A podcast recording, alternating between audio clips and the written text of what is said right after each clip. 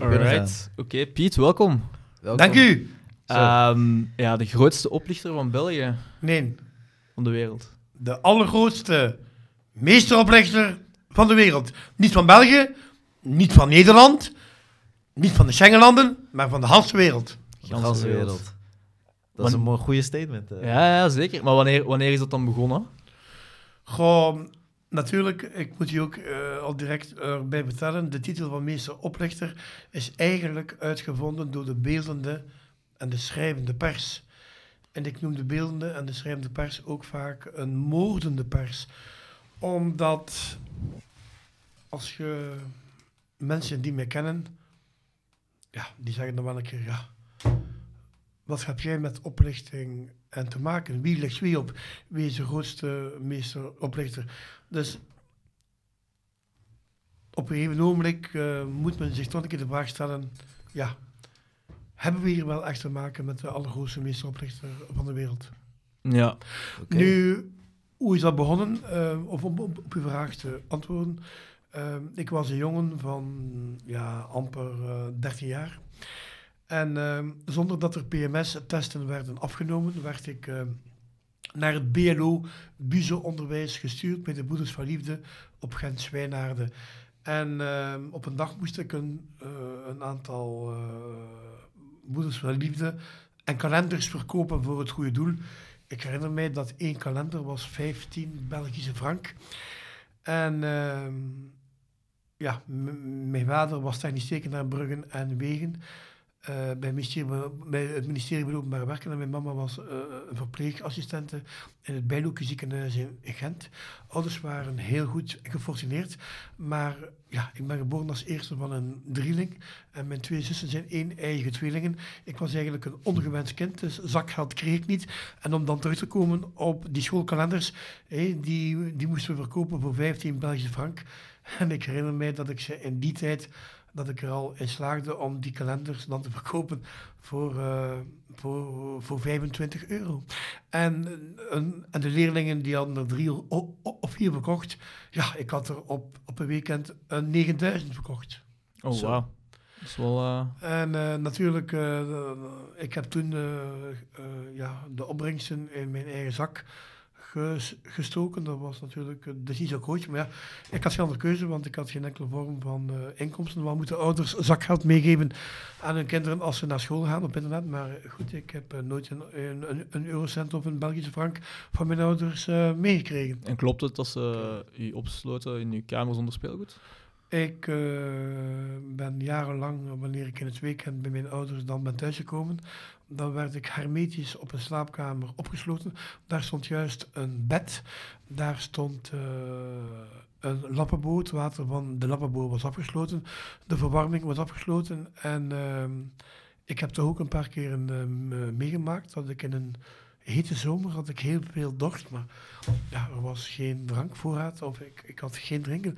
Ik heb een paar keren eh, ook meegemaakt eh, dat ik mijn eigen urine heb opgedronken bij gebrek aan, eh, aan andere middelen. Zover ging het. Zover ging de waanzin. Dus eigenlijk komt het vanuit een, een, een- een punt van dat u voor uzelf hebt moeten zorgen. Ik Allemaal. heb voor mezelf eh, dus moeten zorgen. U mag gerust weten dat ik als jaren de ouderlijke woning op een gegeven ogenblik ben, ben weggelopen. En dat ik dan eh, in Knokken eh, ben gestrand. En dat ik s'nachts in liften heb geslapen eh, bij gebrek aan onderdak. En dat was dan toen je 16 werd, ongeveer 16, 17. Eh, nee, ik ben al de school weggelopen vanaf mijn 13 jaar met, een- met, met een pauze. Dus het is eigenlijk al begonnen op hele vroege leeftijd op 13 jaar. En het is ook zo dat ik, ehm, ja, ik heb ooit gewerkt in Knokken als minderjarige in een tierroom in de Picardie. En eh, ik leerde daar een, een dame kennen, die was heel gefortuneerd. Die was eigenaar van een zeepgiederijfabriek, de NV Wermik Enteco. En eh, ik heb zes maanden gewerkt voor, voor die tierroom. Op een bepaalde dag zegt die dame tegen mij, meneer, je moogt uw vakantiejob laten voor wat het is. Ik betaal u het negendubbel uit. Ik zeg, ja maar mevrouw, ik heb geen, geen inkomsten. Ik ben weggelopen van mijn middelste. Ja, maar dan zegt ze, ma maak je niet druk. Ik doe het nodige. En eh, die vrouw heeft mij toen één jaar op hotel laten slapen in Knokken. Uh, nu op 1 april 88, om geen verhaal heel kort samen te vatten, heeft die dame zelfmoord uh, gepleegd op het ogenblik dat mijn ouders wisten dat ik een fortuin kreeg, heb geërfd. Um, hebben zij met een heel zware astmapatiënt, heeft mijn moeder mij de astmaverstuiver afgenomen. Er bestonden toen in Knokken nog geen mug-ambulances. En ik kreeg toen een levensbedreigende status astmaticus met hartstilstand. Men heeft toen een mug-helikopter laten komen uit Brugge. En men heeft mij toen gereanimeerd, geïntubeerd. En toen ben ik met een, een mughelikopter overgevlogen naar het Sint-Jan ziekenhuis in Brugge. Mijn, uh, mijn, mijn ouders wilden mij dus eigenlijk dood hebben, om dat fortuin dan te kunnen, dan te kunnen verkrijgen uh, die ik heb, had geërfd, had gekregen van die dame die een zeepgiederijfabriek had. En dan als je 18 werd, had je dan volledig contact met je ouders verbroken? Of? Uh, nee, ik ben al op, op minderjarige, op minderjarige uh, leeftijd heb ik het contact... Uh, van dan al, van 13 toen je vertrokken ja. En toen kreeg ik ook eventjes een tijdelijk onderdak van een, een toenmalige TV1 omroepster bij de toenmalige BRT. zij noemde eh, Rita Boelaert. En Rita Boelaert woonde altijd op de Zonnelaan 18 uh, in Knokken, zoals u waarschijnlijk weet. Ik heb een olifantengeheugen. Haar telefoonnummer is 050 61 43 44. Zo. Dus dat, dat, oh, dat was wel uh, een heel, heel grappig iets. Dus uh, als kleine jongen kwam ik al binnen op de Rijerslaan en kende ik zowat alle kantoren en bureaus binnen, binnen de BRTN. nu heet dat, zoals u weet, de VRT. Ja, zo. En dan één keer als je dan volwassen bent, 18, 19, 20 jaar, wat tegen dan? Uh, ja goed, uh, toen ben ik uh, als minderjarig ben ik dan gevlucht naar Amsterdam. Ehm, daar heb ik dan eh, een tijdje gewerkt op hoofdkantoor van de ING-bank. Uh, heb ik ook een getuigschrift uh, van gekregen. Wat deed u dan uh, bij de bank? Of, uh, ik werkte daar bij de afdeling expeditie. Ik moest alle binnenkomende post brengen naar alle locaties binnen de bank. Ook als er dus effecten en obligaties en waardetransport binnenkwam, dan had ik ook met een speciale badge toegang tot de kluiskamer van de ING-bank. Zo, ja, ja, ja, En waarom dan gestopt? Ja, goed, uh, op een gegeven moment heb ik dan ook nog een paar weken voor, voor, voor de groep Accor gewerkt. Als uh, medewerker op het Ibis Hotel Schiphol, als uh, medewerker van de huiskeeping. En daar heb ik ook nog een getuigschrift van gekregen dat ik die werkzaamheden naar volle tevredenheid heb uitgevoerd. Ja, en op een gegeven moment is het welletjes en geweest en ben ik dat dan toch ook, ook gestopt, ja. Ja. Um, zo, zo één verhaal vind ik... Oh ja, het zijn echt geweldige verhalen, hè, wat er uh, allemaal gebeurd zijn. Maar een van de verhalen was uh, dat jij je had voorgedaan als procureur-generaal. Ja, ik heb mij ooit uh, uitgegeven in Brussel bij de, de, hoofdkazerne van de federale politie. Dat, we toen de toenmalige top van de Rijkswacht. En ehm, ik heb toen gezegd van kijk, ik, ik ben procureur-generaal in Gent. En mijn ambt vordert een, een Puma helikopter op om te vliegen, een, een inspectievlucht te doen boven het gevangeniswezen van, uh, van Brussel, Gent en Brugge. En uh, ja, binnen de 15 minuten was ik al met die helikopter van de federale politie aan het cirkelen uh, boven België. Hoe lang heeft dat geduurd voordat ze dat hadden? Ja, op een gegeven ogenblik, ik herinner mij dan Daniel de Kranen was de man van de, die doen het transmissiecentrum Um, um, en mijn mande en die had mijn stem herkend. En uh, toen hij mijn, mijn stem hoorde, uh, toen, uh, ja, toen was ik eigenlijk al, al, al, al verbrand. Maar tegen dat hij dan te weten was gekomen, was ik al terug veilig geland in Brussel en was een vogel al gaan vliegen. Maar ze hebben nu uiteindelijk wel opgepakt, hè? Nee, ze daar... Uh... Want ik had zo een, een, een videootje gezien waar ze je al gearresteerd en meepakte. In, En dat je zei van vanaf nu, uh, ik neem ontslag als procureur-generaal. Nee, dat was op de Dus ik moest mij voor die feiten, dat noemt aanmatiging ambten en, titels, uh, dat ik mij heb schuldig gemaakt. En ik, ik moest mij toen verantwoorden voor de rechtbank van die snelweg in Gent voor die feiten. En toen heb ik voor de camera's van de VRT, voor Carolien van den Bergen, de journalisten, heb ik toen gezegd, ik neem erbij ontslag als procureur-generaal. En toen uh, alsof het overkwam dat de burger zag, "Huh, een procureur-generaal die aangehouden is en die toch ontslag neemt. En hoe, eh, hoe voelt je je op dat moment, als je dat kunt doen? Ja, dat geeft een, eh, een enorme kick. Ik heb bij al het eh, fratsen die ik in mijn leven heb, heb gedaan, heb ik nooit kwaadaardige en bedoelingen gehad. Ja. Ja. Het was altijd gewoon puur geldgewijs of... Ja, want wa- waarom... nee, ook niet, want, want, want hetgeen wat ik eh, eruit haalde, dat had ik al eh, als een Robin Hood uit. Dat, natuurlijk een van de mooiste zaken die ik ook nog heb gerealiseerd in, in, in België. Natuurlijk het laatste nieuws, de krant eh, van DPG. Die schamen zich natuurlijk dood om dat uit te brengen. Maar goed, jullie krijgen van mij vandaag een primeur. Ik zal jullie het, het volgende zeggen. Op een bepaalde dag kreeg ik een, eh, in de weekend-editie van het laatste nieuws een, een cover en een dubbele pagina. Zelfs een Trump krijgt in België geen, eh, geen cover en geen dubbele pagina. Maar goed, iemand zoals mij wel. En eh, ik wist dat, dat deze krant eh, werd en gedrukt eh, door de, door de drukpersen bij DPG ehm, in Lokeren. En natuurlijk, eh, het- laatste nieuws is heel goed beveiligd met, eh, met eh, ja, 14, 15 mensen van de security.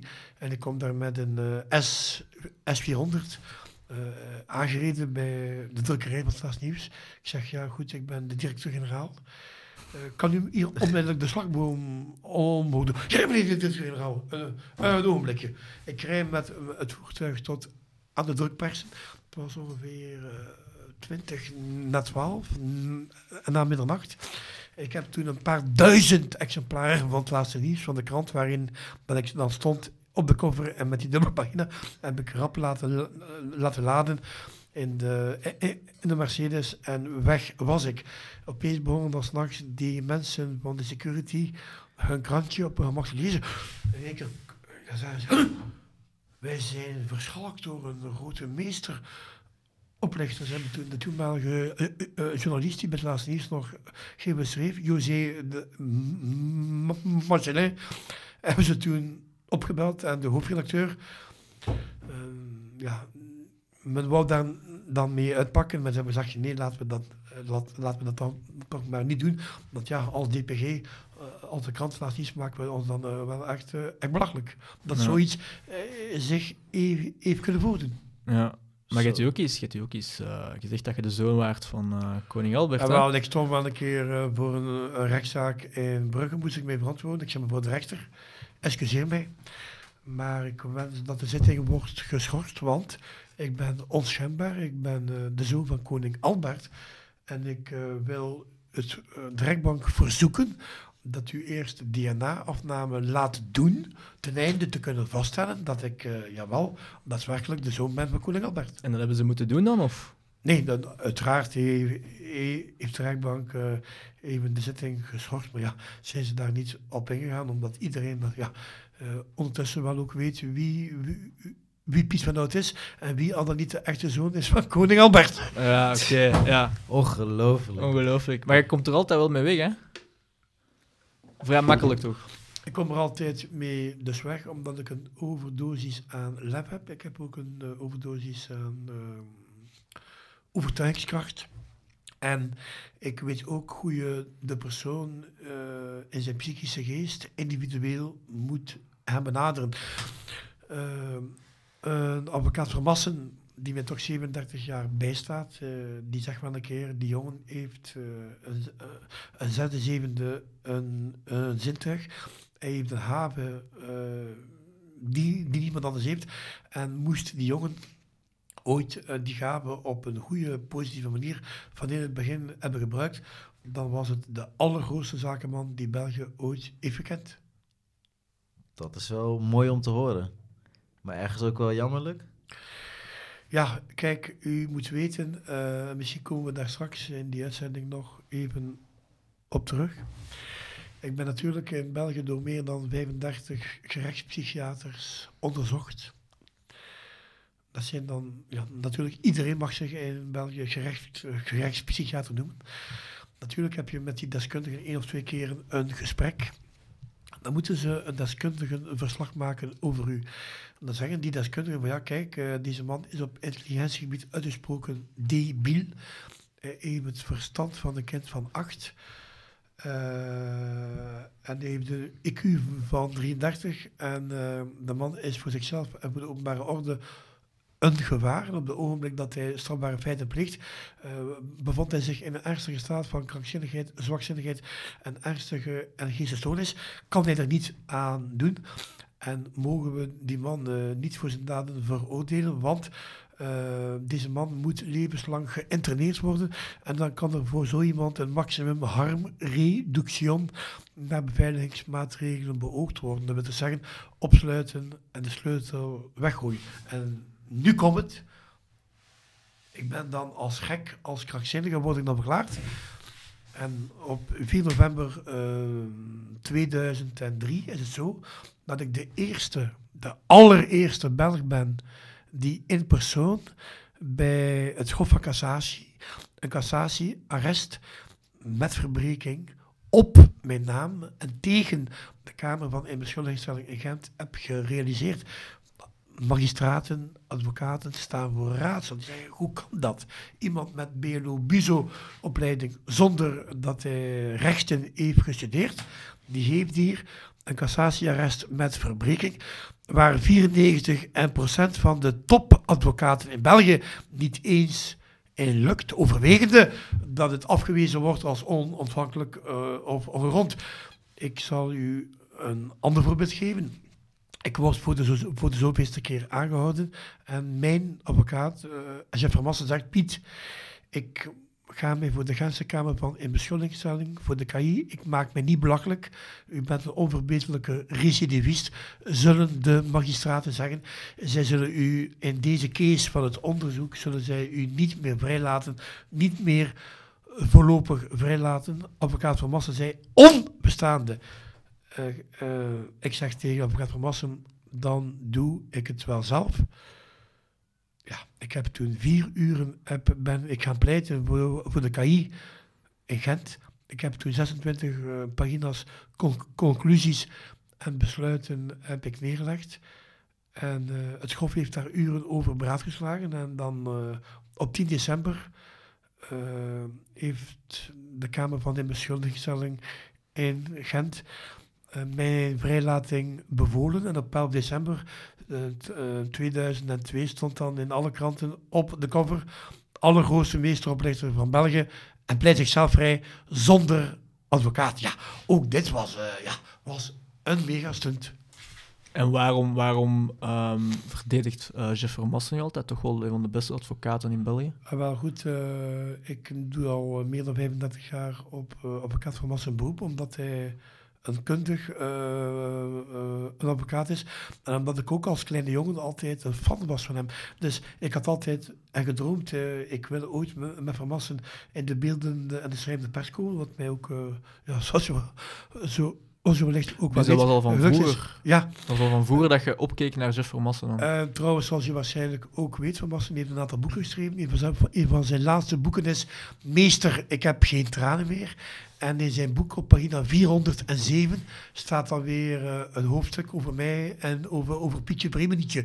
Dus advocaat Van Massen heeft een zeer mooi, aangrijpend hoofdstuk over mij ook geschreven. Uh, uh, positief boek, of negatief? Uh, een heel positief heel boek. positief, ja. ja. ja. En maar je is ook wel op reis geweest, hè? Er zie een foto van, van u met hem en zijn vrouw in een vliegtuig.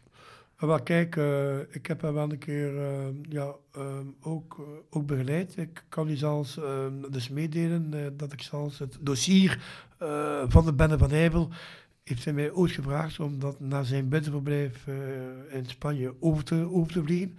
Ik zweer u, ik heb het dossier niet ingekeken, omdat ik vertrouwen is voor mij heilig. En ik kreeg dat vertrouwen ook van hem. En ik heb hem dan het dossier van de, van de Bende van Eibel, heb ik hem dan overgevlogen uh, naar Spanje. Ja, nee, wel een... Uh... En dan niet ingekeken? Ik zeg u, ik heb dat niet ingekeken. Ik had de mogelijkheid om dat dossier in te kijken. Ik heb dat dus niet gedaan, omdat ik uh, voor deze man een uh, heel groot respect heb. Het gaat misschien iets verder als een, gewoon een advocatenrelatie, gewoon vrienden. Kun je dat zien Ik heb hem altijd, eh, nee, kijk, ik, ik heb altijd een eh advocaat- en cliëntenrelatie met, met hem gehad. Ik ben ook een, eh, heel, heel regelmatig ook zijn chauffeur geweest. Ehm, en ehm, ik heb altijd ook in hem een, ja, een vaderfiguur gezien die ik altijd in mijn leven heb gemist. En natuurlijk in de hele vele gesprekken die ik met advocaat van Massen heb gehad, ook wanneer wij onder de, onder de baan eh, waren, zijn, zei advocaat van Massen altijd tegen mij, en Piet Jong, misdaad, dat loont niet. Eh, ik ga van nu, wij gaan van nu een, een andere mens maken. En eh, hij heeft daar heel veel energie in gestoken en eh, ja, toch wel eh, met een succes. Ja. En ehm, dat verhaaltje, want ik zie dat vaak in artikels dat je je voor had gedaan als prins van Saudi-Arabië. Klopt dat? Nee, Ah nee, dat klopt niet. Dat stond in... Dat is- eh, in dat is verzonnen. Dat is verzonnen. Want ik vond het al raar hoe dat was, zo Nee. dat was uitpakken. nee, nee, nee, nee eh, want ik, ik, ik, ik zal u eerlijk zeggen, ik ben enkel de Nederlandse taal machtig. Ik spreek zelfs geen buitenlandse talen. Ah ja, oké. Ja. Wat is nu eigenlijk de zotste truc dat je al hebt uitgehaald? Goh, kijk, eh, ik weet niet of het de zotste en truc is, maar wat ik toch wel heel grappig vind. Ik eh, ben de enige ge, gedetineerde in de wereld die men ooit heeft opgesloten. Eh, ik, u mag dat gerust weten. Ik ben ooit van 26-8-1997 tot 3 oktober 2001 opgesloten geweest in het penitentiair complex te Brugge. En ik heb toen mijn eigen wijs gemaakt. Nooit zal ik overdag mij bevinden in mijn cel. En wat heb ik daar nu op gevonden? In België zijn er ongeveer 16.500 advocaten. En in die vier jaar opsluiting heb ik zo wat al de advocates, want ik hou van mooi vrouwelijk schoon uiteraard, heb ik zo wat alle vrouwelijke advocaten uitgenodigd in de gevangenis van dus Brugge. Uiteindelijk zijn er maar, maar goed, ik zeg wel maar, want dat- zijn er dan nog veel. Uiteindelijk zijn er toch eh, een paar duizend vrouwelijke advocaten mij komen bezoeken. Zij wisten dat ik kikte en geilde op strakke broekjes van Seven, op Levi's Vivants, op lederen broekjes, op broekjes in latex.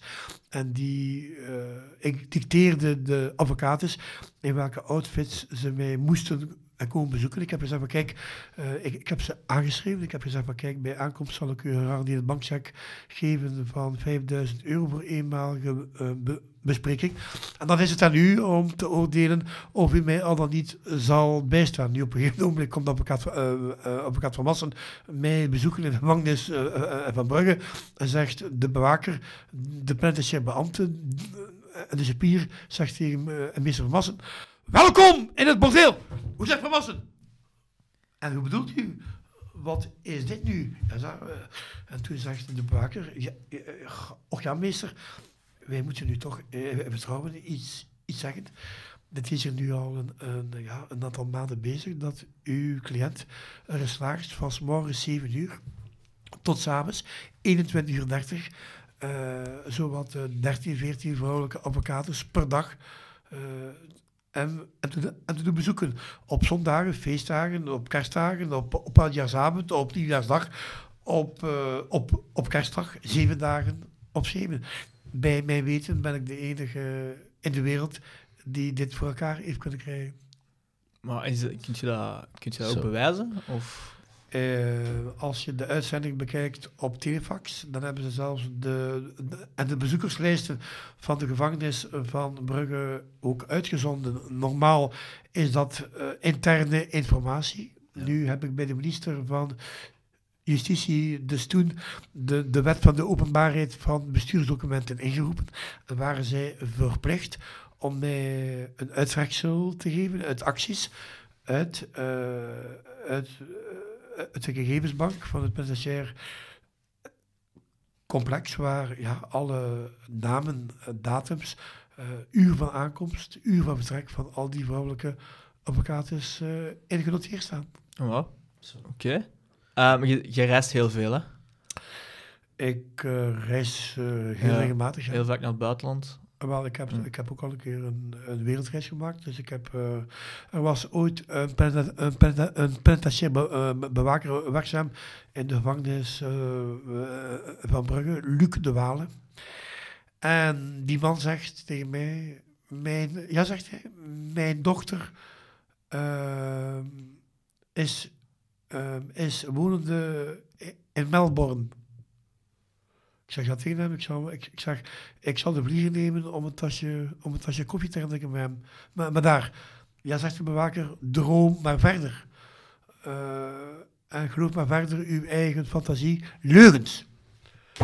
Ja, kijk, eh, binnen, binnen de 24 uur was ik, was ik vertrokken. En eh, ben ik aangekomen in Melbourne om een tasje koffie te drinken met deze dame. Ja. Dus mensen moeten mij niet uitdagen. Ze mogen mij uitdagen. Ze mogen zeggen, dit lukt je nooit.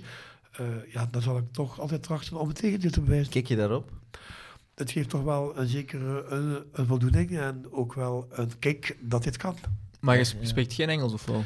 Ik spreek geen Engels, maar zoals je weet, op iedere mo- moderne smartphone vandaag heb je een Google Translate. Ja, en dan gebruik je dat Dat maar om te communiceren. Kun je, eh, kun je dan ook een plan trekken. Ook veel private jets en zo, hè? Eh, ja, ik vlieg ook eh, regelmatig met een private jet. Natuurlijk, ik ben, ik ben niet dom. Een vliegtuigticket in business class, dat kost vandaag al behoorlijk veel geld. Wat doe ik nu? Weinig weten dat. Staat ook in het boek van advocaat van Wassen. Meester, ik heb geen tranen meer. Ik wacht tot de allerlaatste om een vliegtuig in te stappen. Ik stap in.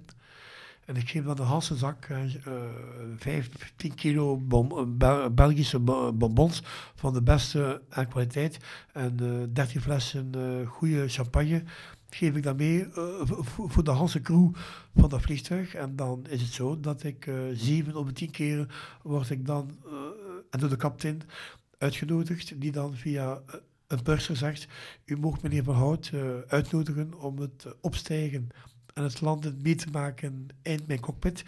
En meneer Van Hout mag dan de verdere vlucht, mits er beschikbaarheid is, mag hij dan eh, doorbrengen in business class. Ja, dan vlieg ik wel gratis in En dan werkt elke keer? Of gewoon... Zoals ik zeg, zeven op, op de tien keren. Eh, ook toen er daar vliegtuigen werden neergestort in, in Amerika met die aanslagen. Ook op die moment had men toch nog het vertrouwen in mij. Eh, trouwens, eh, er staat ook... eh, toen die, de reportage is geweest op hgn.be, die zesdelige reeks, was er ook iemand die schreef, die dus toen bij de werkte, die toen als commentaar gaf, beseft u wel wie u in, de cockpit, in de cockpit laat. En de kapitein eh, wees die, die toenmalige Rijkswacht erop. In mijn, in, in mijn vliegtuig ben, ben ik hier baas. Ik draag de eindverantwo- eindverantwoordelijkheid. En eh, Van Hout blijft hier, hier zitten. En komt u dat vaak tegen, bijvoorbeeld mensen die dan achterkomen hè, wat, wat u allemaal heeft gedaan en die u dan anders eh, bekijken of benaderen? Ah, wel, eh, ik word heel veel erkend. Mensen die, die herkennen mij nu eenmaal, maar mensen zeggen direct... Ja, zeggen ze, u wordt ons afgeschilderd als de grootste sociopaat en psychopaat en meesteroplichter. Maar wij zien niet eens het beginsel dat dat zo is, want u strooit overal met geld. U geeft, u laat overal grote fooien achter. Dus mensen eh, zeggen dan een keer, meneer, beseft u wel hoe dat er over u eh, wordt geschreven in de beelden en de schrijvende pers, overwegende dat wij toch een totaal andere waarheid ontdekken. Ja, heb je de Tinder-swindler gezien? Ja, en ik heb, eh, ik heb dat bekeken en ik heb wel een keer medegedeeld eh, dat ik eh 100 miljard keer erger ben dan hem. Hij is een amateur. is een amateur. Ehm, er is ook een, eh, een hele mooie eh, eh, een anekdote. Ik weet niet of u die naam kent. Er is een, er is een dame en zij schrijft regelmatig een column eh, voor, voor de morgen. Haar naam is, eh, is Julie Kartmeijer. Ik weet niet of u die dame... Dat naam komt mij bekend voor. ja, maar, en die ja. dame heeft ook bij de verschijning van dit boek een, een column eh, ge- ge- eh, geschreven over mij. En de dame eh, dat ze schreef, als Van Hout deze column leest, zijn er een aantal mogelijkheden. Ofwel is hij op mij heel boos. Ofwel gaat hij alle kranten eh, en de morgen opkopen. Ofwel, eh, gaat hij, eh, gaat, hij mij, ofwel gaat hij mij belonen als ik de man ooit in mijn leven misschien is zou tegenkomen. Nu, heel toevallig, een aantal maanden terug, kom ik die dame tegen bij een boekenbespreking bij Dasmag eh, in Amsterdam. En eh, ik heb haar dan eh, in het ambassade eh, eh, eh, hotel heb ik haar getrakteerd eh, ja, op een ochtend ont, ontbijt. Ik heb haar dan eh, de volgende dag teruggebracht naar België. Dan zijn wij in Antwerpen in het dat heel nieuwe vijfsterrenhotel de, Bo- de, de Bouta. Botaniek. Ja. Botaniek. Ja, ja. Daar zijn we dan eh, heel rijkelijk eh, in de sterren en restaurant gaan dineren. En die jullie K- K- Kapmeijer, die zei toen, ja zegt ze, ik heb u nu heel de, heel de weg en in Amsterdam in, geobserveerd. Zegt ze, ik vind niet dat u eh, de man bent zoals u wordt opgeschilderd in het boek. De allergevaarlijkste en meest oplichter, sociopaat en, eh, en, en psychopaat. Zegt ze, ik vind u eerlijk een, ja, een heel aangenaam, rustig eh, en sympathiek persoon. Stoort u dat? Het, het, het, het stoort mij regelmatig dat mensen een verkeerd beeld hebben en van mij. Dat doet mij er- er- er- ergens pijn. Ze zeggen wel een keer, een psychopaat heeft geen gevoelens, eh, is een narcist, is een... eh, Nee, het doet, eh, ja, dit, dit doet wel pijn. Maar ja, goed, de mensen die mij kennen, ja, die weten wie ik ben. Die weten ook hoe ik ben. En die, hebben, die hebben voor mij ook alle, alle sympathie over. Zijt je ooit al eens verliefd geweest? Nee, maar ik heb altijd... eh, eh, ja, eh, ik heb altijd ook medegedeeld, liefde, vriendschap en, en geborenheid koop je niet met geld. Nu, veel mensen weten dat. Wanneer je iemand leert kennen, of veel mannen, hebben altijd de bedoeling of het doel, of de bedoeling dus, om met een smoesje rap eh, het bed te kunnen induiken met een dame. eh, en dan hun, lusten bevredigd en te zien. En dan, eh, en dan zijn ze weg en dan hoort die dame daar nooit meer iets van. Ik kan u meedelen, ik, ben- ik begrijp me niet verkeerd, ik ben geen homo, ook al zou daar, ook al zou daar niks mis mee zijn, want eh, iedereen heeft het in onze maatschappij om te zijn wie hij is, of hoe hij is, of hoe, hoe men zich voelt. Maar ik, kan u meedelen, ik ben vandaag, eh, ik ben geboren in december 68, ik ben eh, 54 jaar en ik heb nog nooit het bed gedeeld, eh, seksueel eh, en contact gehad met een, vrouw. We zeggen wel een keer, eh, en Pietje Vremenietje is bang eh, eh, eh, van de meisjes, eh, van, van de dames. Ja. Eh, Ah. dat heeft natuurlijk ook allemaal een, een reden, maar er zijn natuurlijk eh, duizenden en die vrouwen die dus tegen mij zeggen dat ze het zalig vonden om met mij een nachtje eh, te gaan stappen. En dat ik dan de eerste man ben in hun leven, zoals eh, eh, een Hilde die eh, eh, eh, een topmakelaarsbureau heeft. Ja, zegt ze, u, u bent de eerste man eh, in mijn leven die mij niet heeft aangeraakt. Is er dan geen gemis langs uw kant? Ja, maar ik zeg altijd alles op zijn tijd. En eh, natuurlijk, ik ben, ik, zoals u weet, ik ben niet dom. En ik kijk altijd eh, eh, aan de vogel uit, uit de kat. Een man met veel geduld. Een man met heel niet? veel eh, en geduld, ja. Ehm, je, zegt, je, je hebt gezegd dat je door 30 eh, gerechtspsychiaters bent, eh, 33 of 35 33 jaar. onderzocht ja, geweest. ja. Ehm, hebben die ooit je een reden gegeven waarom dat, dat je geen seksuele of niet verliefd kunt worden? Eh, jawel, ik kan wel verliefd worden, maar zoals ik al, al eerder zei, ik, eh, alles op zijn tijd. En, en, en je hebt vandaag in onze maatschappij van die one-night stands en dit en dat. Ja, is allemaal niet eh, besteed aan mij. Eh, u moet ook weten dat ik eh, in- in mijn jeugd geen trauma's heb, eh, heb opgelopen. Eh, dat ik ooit eh, bij de Broeders van Liefde op Grenswijnaarden het slachtoffer werd van eh, seksueel en, en geweld. En eh, ja goed, eh, dit moet ook allemaal o- ook verwerkt worden. Ja, dat is normaal. Ja, Ja. zeker, dat is zwaar. Ehm, nu op dit moment, wat ik gezien heb in een documentaire, en noemen ze geldezels. Dat je... Wat is een, wat, voor, de goede orde, wat is een geld? Is, Wel, een geldezel is bijvoorbeeld dat je een eh, creditcard of een rekening van iemand anders gebruikt en dat je daar dan geld laat opstorten, waardoor dat je dan eh, ja, nooit zelf kunt aangeklaagd worden. Nee, kijk, eh, dat, kijk, dit is niet juist. Wat is er dan wel juist? Er zijn natuurlijk een aantal mensen die voor mij een goede sympathie hebben. En eh, er zijn mensen die ik regelmatig moet brengen naar luchthavens, naar daar en daar. En eh dan geven mensen wel een keer eh, een bepaald bedrag voor bewezen dienst. Of sommige mensen zijn zodanig goed ervan dat, dat ze zeggen, jong, pak, pak de kaart mee en dan gaan we lekker shoppen. Bij mijn weten heb ik daar nooit geen, geen misbruik van gemaakt. Dat is uw inkomen dan. Nee, de, mijn inkomen is ook het volgende. Ik, eh, ja, ik geef regelmatig ook lezingen. En eh, ik geef ook regelmatig voor u, universiteiten en springbeurzen. Waardoor ik daardoor wel ook een en ander eh, dat ook krijg. hè.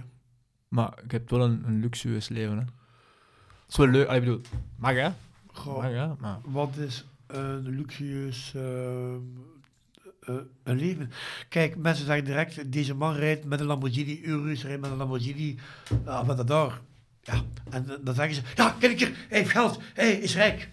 Ja, als de familie Azimi of Sassan Azimi een wagenpark heeft en die man zegt, eh, ik heb vertrouwen in u, u bent de enige die met respect met de auto's rijdt, pak die auto's mee. Nou goed, eh, kan, kan, kan ik daaraan doen? Nee. En dan mag ik eh, daarmee rijden en tanken op kosten van de zaak. Ja, dat is, dat is heel mooi dus meegenomen. Maar dat betekent dat daarom nog, nog niet dat ik de eigenaar ben van die auto's. Ja, oké. Hetzelfde dan met die kaarten. Ja, er wordt natuurlijk veel eh, overroepen. En natuurlijk eh, in ons in, in Medialand kijkcijfers en scores. En het kan allemaal. En dus is straf genoeg.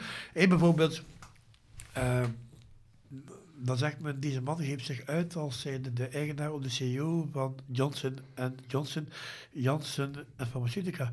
Ja, ik heb dat voor een camera eh, gedaan, omdat men eh, voor uitzending iets wilde hebben. Sensatie. Sensatie, sensatie, sensatie. Eh, ik heb mij nog nooit eh, om aan geld te geraken tegen mensen gezegd: ja, ik, ik, ik ben hier de CEO van Janssen Pharmaceutica of Johnson en Johnson, want dan pleeg ik, dan maak ik me schuldig aan strafbare feiten, dan komen er aangiftes bij. Dus dat is nooit dat niet gebeurd. Dus men moet ook geen dingen gaan verdragen of gaan verdoezelen of een totaal andere waarheid eh, gaan brengen om daar zelf beter uit te komen wanneer ik mij niet heb schuldig eh, eh, gemaakt aan een strafbaar feit. Bijvoorbeeld in de reportage van Hash, LN staat er, zeggen ze, deze man geeft zich uit voor arts. Nee, ik heb een keer voor een tierroom uh, in Oudenaarde gezegd, eh, in witte doktersjas, maar dat is, was een gewoon jas. Eh, het is warm weer, geef jouw kinderen eh, en voldoende eh, eh, en drank. Maar ik heb niet gezegd, ik ben hier arts. Ja, dus eh, Er zit een verschil in. een groot verschil.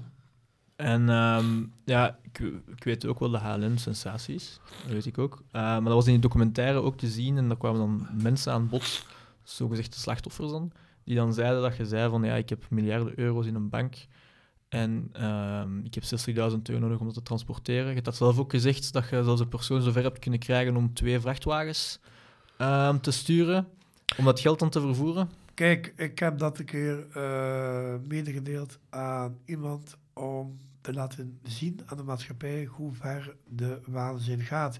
En eh, sommige mensen hebben een enorme drang en de behoefte naar eh, hebzucht, eh, naar geld. En inderdaad, dat is wel een waar gebeurd eh, verhaal. Dat men toen met een aantal vrachtwagens naar Monaco is getrokken om, eh, de- om die miljarden te gaan ophalen. Maar als het enkel maar gaat om gebakken lucht en niet om honderden miljarden, ja, dan kunnen die- deze mensen enkel maar terugkomen met lege vrachtwagens. Ja. Nee, zo zat ik ooit opgesloten in het penitentiair eh, complex in Desbrugge. Ik kon een advocaat dan ook doen geloven dat er dus miljarden op de luchthaven gingen toekomen in Wilbraham. Ja, zegt ze meneer, mijn man is een eigenaar van een plastiek en fabriek. Ik zal vragen dat ik met zijn en privéjet mag aankomen op de luchthaven in Wevelgem. Ik zie het nog alsof het gisteren was.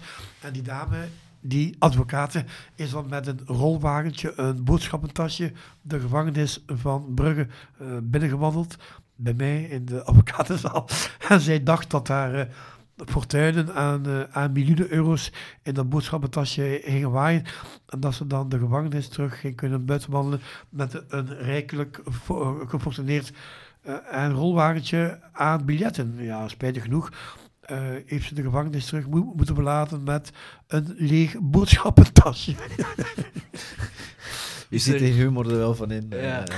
Is er, is, er, is er een bepaalde film of eh, character of, of ja, persoon dat je ooit hebt tegengekomen waarop dat je zei van zo wil ik worden? Of is het puur gewoon uit jezelf? Wel, kijk, eh, ik, had, ik heb altijd eh, de drang gehad om het pleiten van advocaat Van Massen over te nemen. Ook zijn manier van doen, ook, ook de mimiek van advocaat Van Massen. En ja, wanneer ik dan toch eh, veel advocaten hoor, dan zeggen ze, ja meneer, u bent een kopie van advocaat Van Massen. U, zoals advocaat Van Massen pleit en het publiek eh, en benadert, ja, eh, jullie zijn eh, en twee druppels water, want u doet het even goed als hem. Ja. Dus er was wel trots op, sorry. Was er wel een toekomstige eh, advocaat in u dan? Ik herhaal, eh, advocaat van Massen heeft ooit eh, eh, eh, eh, mij in, in zijn boek geschreven van, eh, kijk, eh, had ik de kans gehad om te mogen studeren, dan was ik ofwel een goed zakenman eh, geworden, ofwel een van de beste advocaten die België ooit heeft verkend. Ja. Voelt je, voelt je soms schuldig? Of Schuldig totaal niet? in welke zin? Wel, als je bijvoorbeeld die, ehm, die persoon met die wagens laat afkomen en dat hij dan uiteindelijk gebakken lucht heeft. En dan Eh, soms niet even, of is dat totaal zo van, of voelt je kijk, goed dat je het gedaan hebt? Kijk, ik voel mij zeker niet schuldig. Natuurlijk moest ik het vandaag moeten overdoen, dat erken ik. En dan beken ik vandaag ook van, ik heb fouten gemaakt en ik, je je bent geen, geen heilige jongen. En eh, ja, moest ik dat mogen overdoen, dan zou ik dat toch op een totaal ander- andere manier doen. Dus eh, ik keur ook niet goed oh, de manier waarop ik in het verleden eh, door het leven ben gegaan. Maar goed, eh, het verleden is het verleden en ik zeg altijd, iemand verdient ook ehm, een tweede kans. Ja. Ziet u dat als, als kattenkwaad op een ander niveau? Of hoe, hoe kijkt u daarnaar? Kijk, eh, u moet toch, eh, u mag toch niet vergeten als je jarenlang eenzaam bent opgesloten op een kamer bij uw ouders thuis, dan waren er een aantal mogelijkheden. Ofwel als je de kans om zelfmoord eh, te gaan plegen, ofwel ontwikkel je een tikkende een tijdbom. Want ja, u ontwikkelt wraak, u, ja, u kunt eh, geen kant weg. Of anders ga je dan, zoals mij dan, het derde, het overcompenserend gedrag gaan gebruiken, gaan uitoefenen. Overal waar je dan komt, zoveel als mogelijk aandacht te kunnen krijgen. Omdat dat een, eh, ja, een wijze is, een overcompenserend en gedrag is overwegende. Omdat, ge, omdat ik nooit in mijn leven moederliefde en vader, vader, vaderliefde heb mogen ervaren. En wanneer heeft u dat doorgehad, dit? De zelfkennis?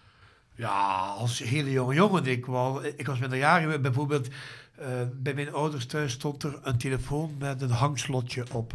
eh, met een draaicirkeltje. Dus ik kon thuis nooit bellen. Goed, ik was eh minderjarig, amper elf jaar. Ik heb gezegd, nu mag ik geen telefoon aanraken. Goed. Maar ooit zal ik het honderddubbele hebben. En vandaag heb ik toch alle smartphones die er dus kunnen bestaan. Ze hebben mij ooit in het Dr. Guzin eh, eh, eh, museum in Gent, hebben ze ooit een tentoonstelling over mij daar neer eh, gezet. Toen hebben ze ook eh, al die honderden smartphones in de glazen wand eh, eh, eh, in de koffer o- ook tentoongesteld. Dus alles heeft een reden waarom iemand vandaag zo is, of waar- waarom iemand eh, op zo'n wijze, op, of op, op zo'n aparte wijze en functioneert en door het leven gaat. En hoe gaat u er nu mee om ehm, met, die, met die vraag naar aandacht? Of heeft u nu wel bijvoorbeeld aandacht dat u miste? En wel goed, eh, kijk, eh, ik, heb, ik heb geleerd, ik ben ook een tijdje in behandeling eh, geweest bij een neuropsychiater, dokter Penson Karel in Knokke. En de man heeft mij leren omgaan van, eh, ja, je kunt het ook op een andere manier doen. En eh, ja, goed, eh, ik word nu ook door, door hele goede vrienden, door Henri, door Belle, door Hilde, door Alexander en, en, en door Febe en door Prins opgevangen. En deze mensen zijn voor mij ja, een soort van een tweede gezin, eh, maar een, eh, een echt gezin. En eh, zij behandelen mij ook alsof ik hun, hun eigen kind ben. Ehm, het is natuurlijk ja, echt heel erg wat er natuurlijk gebeurd is met u. Ehm, maar ja, langs de andere kant, als je bijvoorbeeld ja, mensen hebt die dat dan geld geven, ehm, die dat dan hun spaargeld geven bijvoorbeeld, dan begrijp je toch dat die ja, zich opgelicht voelen. Hè? Kijk, er zijn een aantal feiten en gebeurd 15, 20 jaar terug, die inderdaad eh, ook te maken hebben gehad eh, met oplichtingen. En ik begrijp ook wel ja, hoe deze mensen zich daarbij eh, voelen. En ik zeg u heel eerlijk, dat hoort niet. Dat, eh, daar is niks eh, over goed te praten. En oké, er zijn een aantal dingen gebeurd die, eh, die beter niet eh, hadden gebeurd. Ze zijn gebeurd. Maar goed, eh, dat is het verleden. Ja, dat kun je volledig afsluiten. Ja, maar ik reageer daar nu anders op. Vroeger ik gezegd hebben, ja goed, eh, die zijn dan maar opgelegd. Nee, eh, niemand eh, verdient eh, vandaag om het slachtoffer te zijn van welk misdrijf dan ook. Eh, ik vind dat dat eh, totaal ongepast is. En is, gaat het nu over mij of over iemand anders? Eh, ik vind dat eh, ieder misdrijf dat men doet of dat bewezen wordt, eh, wordt verklaard, dat moet geacteerd worden, dat moet benaderd worden, dat moet eh, beoordeeld worden, daar moet een passende straf voor uitgesproken worden. Hoeveel jaar heb jij in de gevangenis gezeten van je leven? Kijk, ik denk dat ik met interneringen ehm, ja, toch wel acht jaar en, en, en, penitentiaire opsluiting achter de rug heb. Heeft dat u geholpen of niet? Nee, want ik zeg altijd, eh, de gevangenis is het aardsparadijs om nieuwe strafbare feiten te gaan plegen. Ik geef u een aantal, een aantal voorbeelden. Eh, Soms eh, op het openbaar ministerie, die de maatschappij dan moet beschermen, dan zeggen ze, ja, die kunt je niet, die kunt je maar beter eh, zo lang als mogelijk eh, opsluiten, want laat je dat soort figuren vrij, dan gaan ze binnen de 24 uur recidiveren en gaan ze nieuwe slachtoffers maken. Goed. Ik heb bewezen dat ik in gevangenisplunje de secretaresse van de gevangenisdirecteur van Gent heb opgelegd voor 450.000 euro. Terwijl mijn gevangenisdossier achter haar lag. Dus ik heb eh, dus bewezen dat mij opsluiten in een penitentiair dus milieu, dat ik de bezoekers, dat ik de gedetineerden die hun familie de kwamen bezoeken, heb ik in gevangenisplunje ook voor honderden duizend euro's opgelegd. Drie, eh, ik heb zelfs een professor, een advocaat eh, uit Gent, eh, kwam, heb ik ook voor eh, 50.000 euro opgelegd. Dus mij opsluiten in een penitentiair milieu, de gevangenis, is eigenlijk eh, voor iemand zoals mij het aardsparadijs om nieuwe strafbare feiten eh, eh, te gaan plegen. Dus daarmee ga je, je de maatschappij niet op opdoenbare wijze kunnen beschermen. Ik ben eerder voorstander, zoals eh strafadvocaten, ik denk aan Nathalie Busseret, eh, ik denk aan Anne van der Steen, ik denk aan, eh, aan eh, de advocaten uit Gent. Zij noemt, eh, zij noemt meester Parmentier uit Gent, die zei ooit van misdaad, het loont niet. En u kunt beter een pedagogische een coaching, een, een, een- gestructureerde begeleiding uitbouwen, waarbij dat alle partijen een controle, een mechanisme hebben, maar dat je dan onder coaching iemand dus begeleidt, maar iemand opsluiten en de sleutel weggooien, ja, dat biedt geen garantie dat de maatschappij op, op, op, op opdoenbare wijze Dat doen ze in. Zweden, dat doen ze in Zweden op die manier. Wat? Ehm, op die manier gaan ze met gevangenen om, om hem terug te kunnen laten gaan naar de eh, gemeenschap. Zoals ik dus zeg, met met een Begeleiding. Met begeleiding. eh, ja. Ja, dat doen ze ook in België, maar ik moet je zeggen, de- met alle respect ook, dat de, eh, de mensen van de PSD en de psychosociale dienst en het, het gevangeniswezen, die hebben nog altijd te, te weinig mensen. En, en, en men kan onmogelijk voor overbevolkte en gevangenissen eh, voor iedereen op een even goede sociale enquête doen en een, en een, eh, eh, eh, reclassering uitbouwen. Men, men moet nog dus meer investeren in middelen, in personeel, in dus mensen. Maar dat is, eh, België heeft nu eenmaal blijkbaar al jaren een tekort in justitie aan financiële middelen om eh, iedereen een gelijkaardige behandeling eh, eh, te kunnen geven. Zo zijn er ook geïnterneerden die voor een kruimeldiefstal al 15, 20 jaar in de gevangenis opgesloten zitten, zonder dat die mensen in één seconde worden behandeld. Eh, dat, noemen ze dan, die zitten opgesloten op de psychiatrische an- annexen van het gevangeniswezen. Die krijgen daar binnen, binnen, binnen. Maar die mensen worden niet behandeld. Hun plaats is niet in de gevangenis. eh, Hun plaats is in een psychiatrisch midden. Als je dus in Nederland een TBS-maatregel krijgt, vergelijking met de interneringsmaatregel, dan ga je in Nederland ook daadwerkelijk naar een TBS-ziekenhuis, waar je wordt behandeld. Als een geïnterneerde moet in België zelf via een advocaat ziekenhuizen aanschrijven. En de ziekenhuizen zijn meestal niet direct en geneigd om geïnterneerden op te nemen. En dan zeggen ze, er bestaat geen behandeling voor, of we hebben het eh, geplaatst. En dan blijven deze mensen voor een bepaalde duur in de gevangenis opgesloten. Oké, ehm, ja, ik zou nog verder willen praten, maar eh, we zijn al bijna een uur bezig. Dus, eh, en mijn camera's kunnen ook niet langer aan, dat is het probleem. Ehm, ik vond het heel interessant. Eh, mooie afsluiter ook. Zeker. Eh, wat zijn de plannen? Wat zijn de toekomstplannen? Nou kijk, eh, u bent de eerste beeldende zender die mij eh, mag filmen met een muts op. Ik heb een witte muts op. Ik heb die muts eh, eh, gekregen van een 13-jarig meisje, bellen. En eh, ze zag, dan zegt ze, u, u, u hebt koud. En eh, ze, ze had me deze muts, omdat ik dan warm zou zou krijgen. En dat is eigenlijk het, het mooiste geschenk in mijn leven die ik heb kunnen krijgen van een kind die eigenlijk al het verstand heeft van iemand van eh, 28, 29 jaar. En eh, ik- vind het mooi dat eh, het gebaar van- een kind is echt. En dat is eigenlijk, eh, zij gaat waarschijnlijk een piloot worden of een, eh, of een goede een advocaat of iets anders. En ik, zij geeft mij moed en kracht, ook, ook dit gezin, om, om alsnog iets te kunnen maken. In mijn leven. En ik wil toch in de nabije toekomst mij vooral ook inzetten voor gedetineerden, geïnterneerden die geen kans krijgen in onze samenleving. Dat is eh, heel, Heel mooi. mooi. Eh, ik hoop dat het lukt. Eh, veel succes ermee. Ja, En eh, ja, misschien eh, ooit toe is deel 2, als we wel langer kunnen praten. Top, ja, en, nice. met een andere muts. Tot Goodbye. de volgende. Ciao, kies. Goodbye. Bye.